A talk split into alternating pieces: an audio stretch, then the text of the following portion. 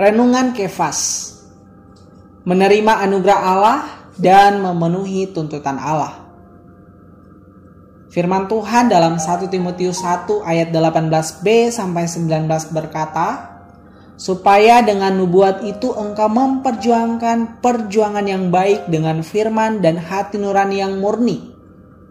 Beberapa orang telah menolak hati nuraninya yang murni itu, dan karena itu kandaslah iman mereka. Ada banyak hukum di dalam alam dunia yang memiliki dua sisi yang tampaknya bertentangan. Dalam ilmu fisika ada dua kekuatan yang berbeda.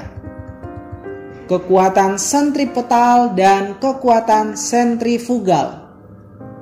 Alasan mengapa banyak benda tidak jatuh ke tanah adalah karena kekuatan sentripetal dan kekuatan sentrifugal yang berfungsi secara bersama-sama.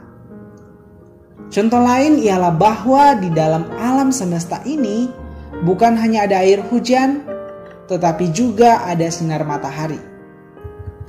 Air hujan menyuplai, sedangkan sinar matahari menghabiskannya.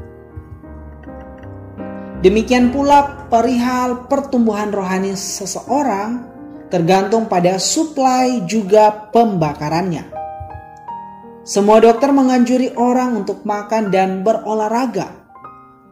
Makan adalah untuk memperoleh suplai, sedangkan olahraga adalah untuk pembakarannya. Penghidupan rohani juga mengikuti prinsip yang sama. Suplai orang beriman adalah anugerah Allah, kasih Allah, dan pembakaran adalah tuntutan Allah.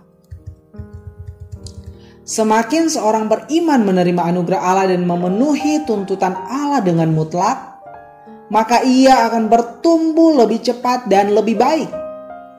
Ketika Allah memintanya untuk menanggulangi dosa-dosanya, seorang beriman yang tepat akan dengan tuntas menanggulangi dosa-dosanya.